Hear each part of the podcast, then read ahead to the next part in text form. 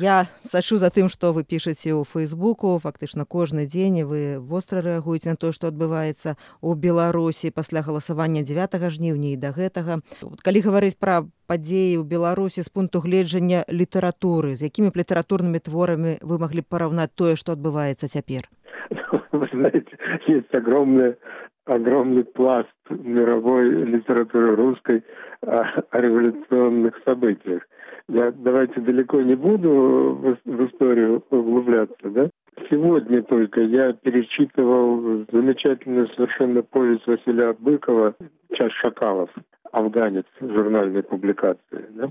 Она написана в 98 году, и я ее читал как абсолютно горячий сегодняшний текст о том, как происходит становление Э, диктатуры, э, конкретно в Беларуси, да, о том, как э, вождь вербует себе охрану и как он работает с этими людьми, чтобы они поклялись ему в верности и никогда не изменили. Его безопасность главная. Вот э, поразительный совершенно текст, он абсолютно сегодняшний очень актуальный.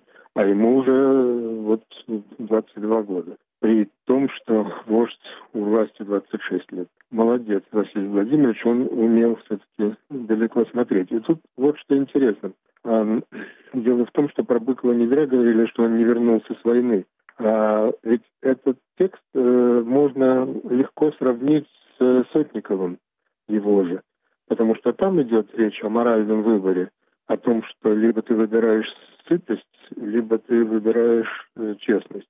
А и здесь то же самое. То есть моральный выбор не поменялся. И, в общем, э, борьба идет внутри человека э, за, за его совесть, за его честь. Вот это я всем советую сегодня прочесть.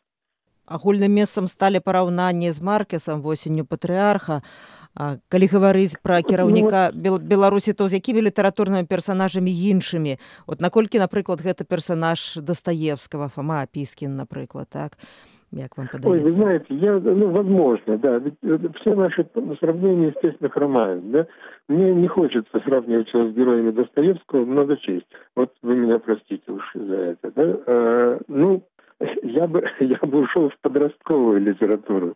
Я бы его сравнил со злодеями там э, не знаю три толстяка олеши да э, там волан-де-морт. Вот прекрасный по-моему персонаж для сравнения вот может быть это потому что я э, много времени вызываю чтение литературы для подростков но мне мне ближе вот это честное слово потому что э, делать из него такого э, какого-то значительного злодея мне вот просто не хочется. Может быть, у него мальчики кровавые в глазах, когда Борис Годунов. Но, но, но, но это не так. Я не ухожу от ответа, поймите меня правильно. Просто мне кажется, что сравнение его с героями классической литературы его как-то приподнимает. Не, не, не хочу этого делать. А калі параўноўваць з э, героямі ну з рэальнымі персанажамі аўтарытарнымі кіраўнікамі дыктатарамі якія былі у гісторыі два 21 стагоддзя які параўнанні ну, называет между прочим да вот он говорит мой друг рахмон да который входил с пулеметом привес в душанбе и расстреливал там бунтовщиков да мой друг ислам каримов который э, положил тысячи людей в индижане э, это диктаторы, у них кровь на руках, вот, а Туркмен Баши какой-нибудь. Вот, э, вот эти ему ближе, это, это ну, люди, которых он хорошо понимает, психологию которых он хорошо понимает. Он, в общем, сам из этой породы. Правда, ну, там Восток, и там крови э, не стесняются, скажем, эти диктаторы. А у нас пока это еще Э, этот рубеж не, не переведен, и, может, даст Бог, там, убережет его как-то а, от такого кровопролития что-то. Может быть, у нас более э, все-таки европейская цивилизованная страна. Сравнение с э, персонажами, да, там совершенно не хромает. Ці няма вас адчування, што ў Беларусі сітуацыя цяпер больш рэвалюцыйная, больш напружаная, чым у драматычны перыяд распаду Савецкага Саюзу? Вы понимаете, э, во-первых, распад Советского Союза еще не завершен, он только продолжается. Да? Вот как Римская империя распадалась полторы тысячи лет, вот Советский Союз еще э, долго распадается. Потому что все вот это такие автошоке, как при землетрясении, то, что даже и с нами сейчас происходит. Потому что Советский Союз держался не только на штыках, на э, оружии, но и на идеологии все-таки. И вот эта вот идеология народной страны, народного государства с э, заботой о простом человеке, она же жива еще. И, как ни странно, вот это разочарование э, в ней, оно очень долго доходит до людей. Им все кажется, что еще это все возможно, что надо только, чтобы пусть бы все угомонились, и вот настанет это самое счастье а, для народа, а оно все никак не настает. Поэтому я думаю, что это тот же самый процесс просто. А то, что он сегодня ну, более драматично просто разворачивается, ну да, народ э, повзрослел. И согласитесь, что еще 10-15 лет назад Э, это бы просто не могло быть. Да, не было бы такого вот 97%, ну, я не ручаюсь за эту цифру, вот, но она стала мемом. Вот, э, просто не было этого единства. А сегодня оно есть, просто народ, ну, да, взрослеет, взрослеет и в буквальном смысле подрастает поколение, которое уже в ту сказку не верит, вот, а верят в какие-то сегодняшние новые идеалы. Вот, да, уходят из жизни те старики, которые в это верили. Ну, да, смещается все, весь спектр смещается, конечно.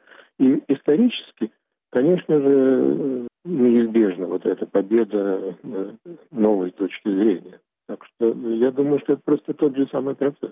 Святлана Алексеевич, якая вось якраз распад гэтай крывавай імперыі тое што душах людзей адбываецца які працягваюць гэтым жыць вель, вельмі дакладна апісала я ведаю што вы ў шчыльным кантакце з ёй цяпер э, вы выдаеце яе кнігі як вы расцэньваеце вот тое што она не проста маральны аўтарытэт нацыі але ўвайшла ў каардынацыйную раду? Ну і цяпер вот, пэўны пераслед адбываецца яе выклікаюць у следчы камітэт яна хадзіла як вот вы яе такую актыўную ролю ў гэтым працэсе расцэньваеце во-первых я это очень одобряю. Мне кажется, что это важный и очень нужный шаг, причем важный шаг не только для э, нас, для всех, и для белорусского народа, но и для нее самой.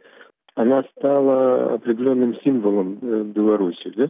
Оставаться этим символом она сегодня может только заняв очень четко и ясно позицию с народом. Вот. Если бы она начала осторожничать и заботиться о своей славе э, зарубежной, и заботиться только там о каких-то бытовых вещах, конечно, ее бы просто не поняли. Вот. А так она, да, она с теми людьми, э, с которыми она всегда была, интересы которых она всегда защищала, в чью душу, в общем-то, она проникала, потому что ну, она, как мало кто, э, мне кажется, выразила какие-то очень глубинные какие-то чувства, опасения, э, мечты э, белорусского народа. У нее это получилось. И то, что она сегодня в этом координационном совете, и это совет ну, как его не хотят называть советом оппозиции, потому что какая же это оппозиция, на их стороне большинство. Вот так э, это, наверное, правда. И вот она с этим народным большинством. Это очень важно. А вы цяпер у Беларусі, я так разумею, ўжо некалькі месяцаў, так, калі я не памыляюся. Да так вы да, сочыце да. сочыце за тым што адбываецца ваша дачка я бачу што актыўна ўдзельнічае ў мірных пратэстах адкрыта сваю пазіцыю і праз соцсеткі выказвае ці вы былі на пратэстах як вы сваю салідарнасць як вы сваю пазіцыю грамадзянскую праяўляеце цяпер я не могу сказать что я активный участник но я скорее активный наблюдатель без меня в общем обойдутся на, на баррикадах на тех которые были и которые может быть будут вот но я позицию дочери, конечно, очень поддерживаю. Мне нравится то, что она так активна, то, что она привлекает э, внимание своей позиции. Ну да, иногда опасаюсь, когда она домой приносит резиновые пули, которые нашла возле своей машины. Наверное, я я беспокоюсь. Солидарность у нас с ней полнейшая. Как э, отец и как дед, э, я немножко дергаюсь, когда я вижу на улицах вот эту толпу полудетскую, я бы так сказал. Вот Я за них очень беспокоюсь, волнуюсь, и у меня, честно говоря, душа побаливает, конечно. Я был бы рад, если бы обошлось без них. А як змяніўся ваш свет пасля таго, як вы прыйшлі ў Facebook, якраз вы прыйшлі напярэдадні ўсіх гэтых падзеяў і калі быў былі праблемы з доступам да некаторых сайтаў, магчыма, сацыяльныя сеткі просто сталі для вас важнай крыніцай атрымання інфармацыі? Ну да, я стал э, ну, активным фейсбучником, я бы так сказал. Раньше я как-то пренебрегал этими каналами, но потом мне стало понятно, что вообще говоря, для того, чтобы быть в курсе э, всех событий, нужно э, читать не только информационное агентство, но и знать точки зрения э, большого количества, значительного количества людей. Это очень важно. А, и да, у меня получается, мне кажется, какой-то обмен информацией. Мне нравится то, что меня читают, и то, что остро реагируют на какие-то вещи – Э, когда у меня там большое число лайков под каким-нибудь моим постом, мне это нравится. Я думаю, это нормальное чувство. И вы звяртаецеся вельмі часта да ваших э, знаёмых, да вашай аўдыторыі ў рассіі. Ёсць розніца ў рэакцыі да, считаю... расійскай аўдыторыі беларускай? Да. Я считаю, что э, моя аудитория в России – это люди, которые лично меня знают, во-первых, да, во-вторых, их круг знакомых, их друзей, которым они предлагают э, прочесть мою информацию, информации, я считаю, что вот да, моя ниша это российская аудитория людей, которые интересуются, активно интересуются событиями в Беларуси. Я считаю, что вот это мой долг просто работает на них, потому что в Беларуси без меня хватает э, людей, от которых можно получить информацию. А в России, я считаю, у меня очень хорошая аудитория, э, качественная, я бы так сказал. Там лидеры мнений, там важные для э, российской аудитории люди. И, в общем, они меня поддерживают, а я их снабжаю, как мне кажется, достоверной информацией. Во всяком случае, многие люди из этой моей аудитории регулярно пишут мне и об этом говорят. Вы не толькі ж напэўна адпачываеце, але і працуеце цяпер працуеце і са Святланай Алексеевич, наколькі я ведаю, магчыма яшчэ з нейкімі беларускімі аўтарамі. Якая ваша працоўная ну, вот цяпер много у, у нас несколько белорусских авторов, ну много по сути. Во-первых, Светлана Алексеевич, конечно же. Во-вторых, э, очень популярные в России Андрей Жвалевский и Евгений Пастернак. Э, мы издаем их книги для подростков. Это благодарная аудитория. Это тот сегмент книжного рынка, который сегодня растет очень активно. И они очень популярны в России. Я рад за них. Ну, а для нас это, разумеется, тоже очень важно. Они значительную часть э, наших продаж на рынках составляют. Саша Филипенко, конечно же, он сегодня выдвигается просто на первый план в связи с теми событиями, э, в частности, которые сейчас в Минске. Я вчера разговаривал с литературным агентом Светланы э, Алексеевич э, и Сашей Филипенко, это Галина Дурсков э, из Германии.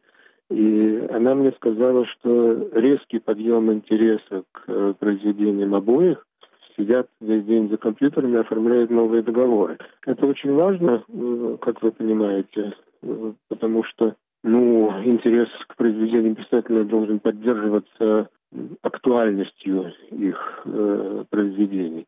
У них это получается. Ці магчыма вот, хтосьці з ці магчыма хтосьці з вашых беларускіх аўтара цяпер стварае літаратурны твор ну які не тое што натхнёны але як бы вырастае з таго што адбываецца? Ці вядома вам пра я надеюсь. Я не знаю пока об этом но я надеюсь что ольга бахаревич что-то пишет э, важное для себя. И Аня Северинец э, наверняка э, пишет новую книгу. Да, собственно, я даже знаю, что пишет, про то, как, как я провела это лето. И Жвалевский Пастернак наверняка работают э, и на будущее работают. И не хотят такую какую-то актуальную вещь писать, но, но все же откладывается, откладывается. Вот. Э, Федута Александр наверняка что-то делает. Мы его тоже издавали. В общем, ну, я думаю, что вообще это же исторический перелом. Это важнейшее событие в истории Беларуси.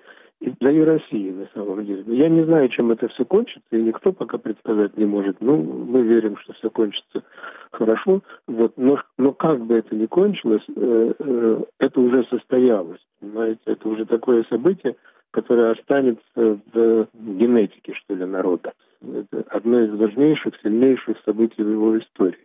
Так что в литературе это тоже будет. Да вы, калі гаворыце пра больш далёкую перспектыву, калі пра больш кароткую, то што, што вас цяпер палохае, чаго вы баіцеся цяпер? будучы не так адбудуцца перамены але вот мы зараз гэта перажываем дні тыдні месяцы не ведаем колькі ну калі рэальна многім людзям і страшна і, і трывожна боюсь только я боюсь только кровавых э, вариантов потому что э, лукашенко ведет себя как диктатор у диктаторов часто не бывает э, тормозов моральных ограничений и они готовы жертвовать чужими жизнями во имя э, своих каких-то целей. Вот я боюсь, как бы эту границу он не перешел. Все-таки есть тайная надежда, что это обойдется без большой крови. Вот на это надеюсь.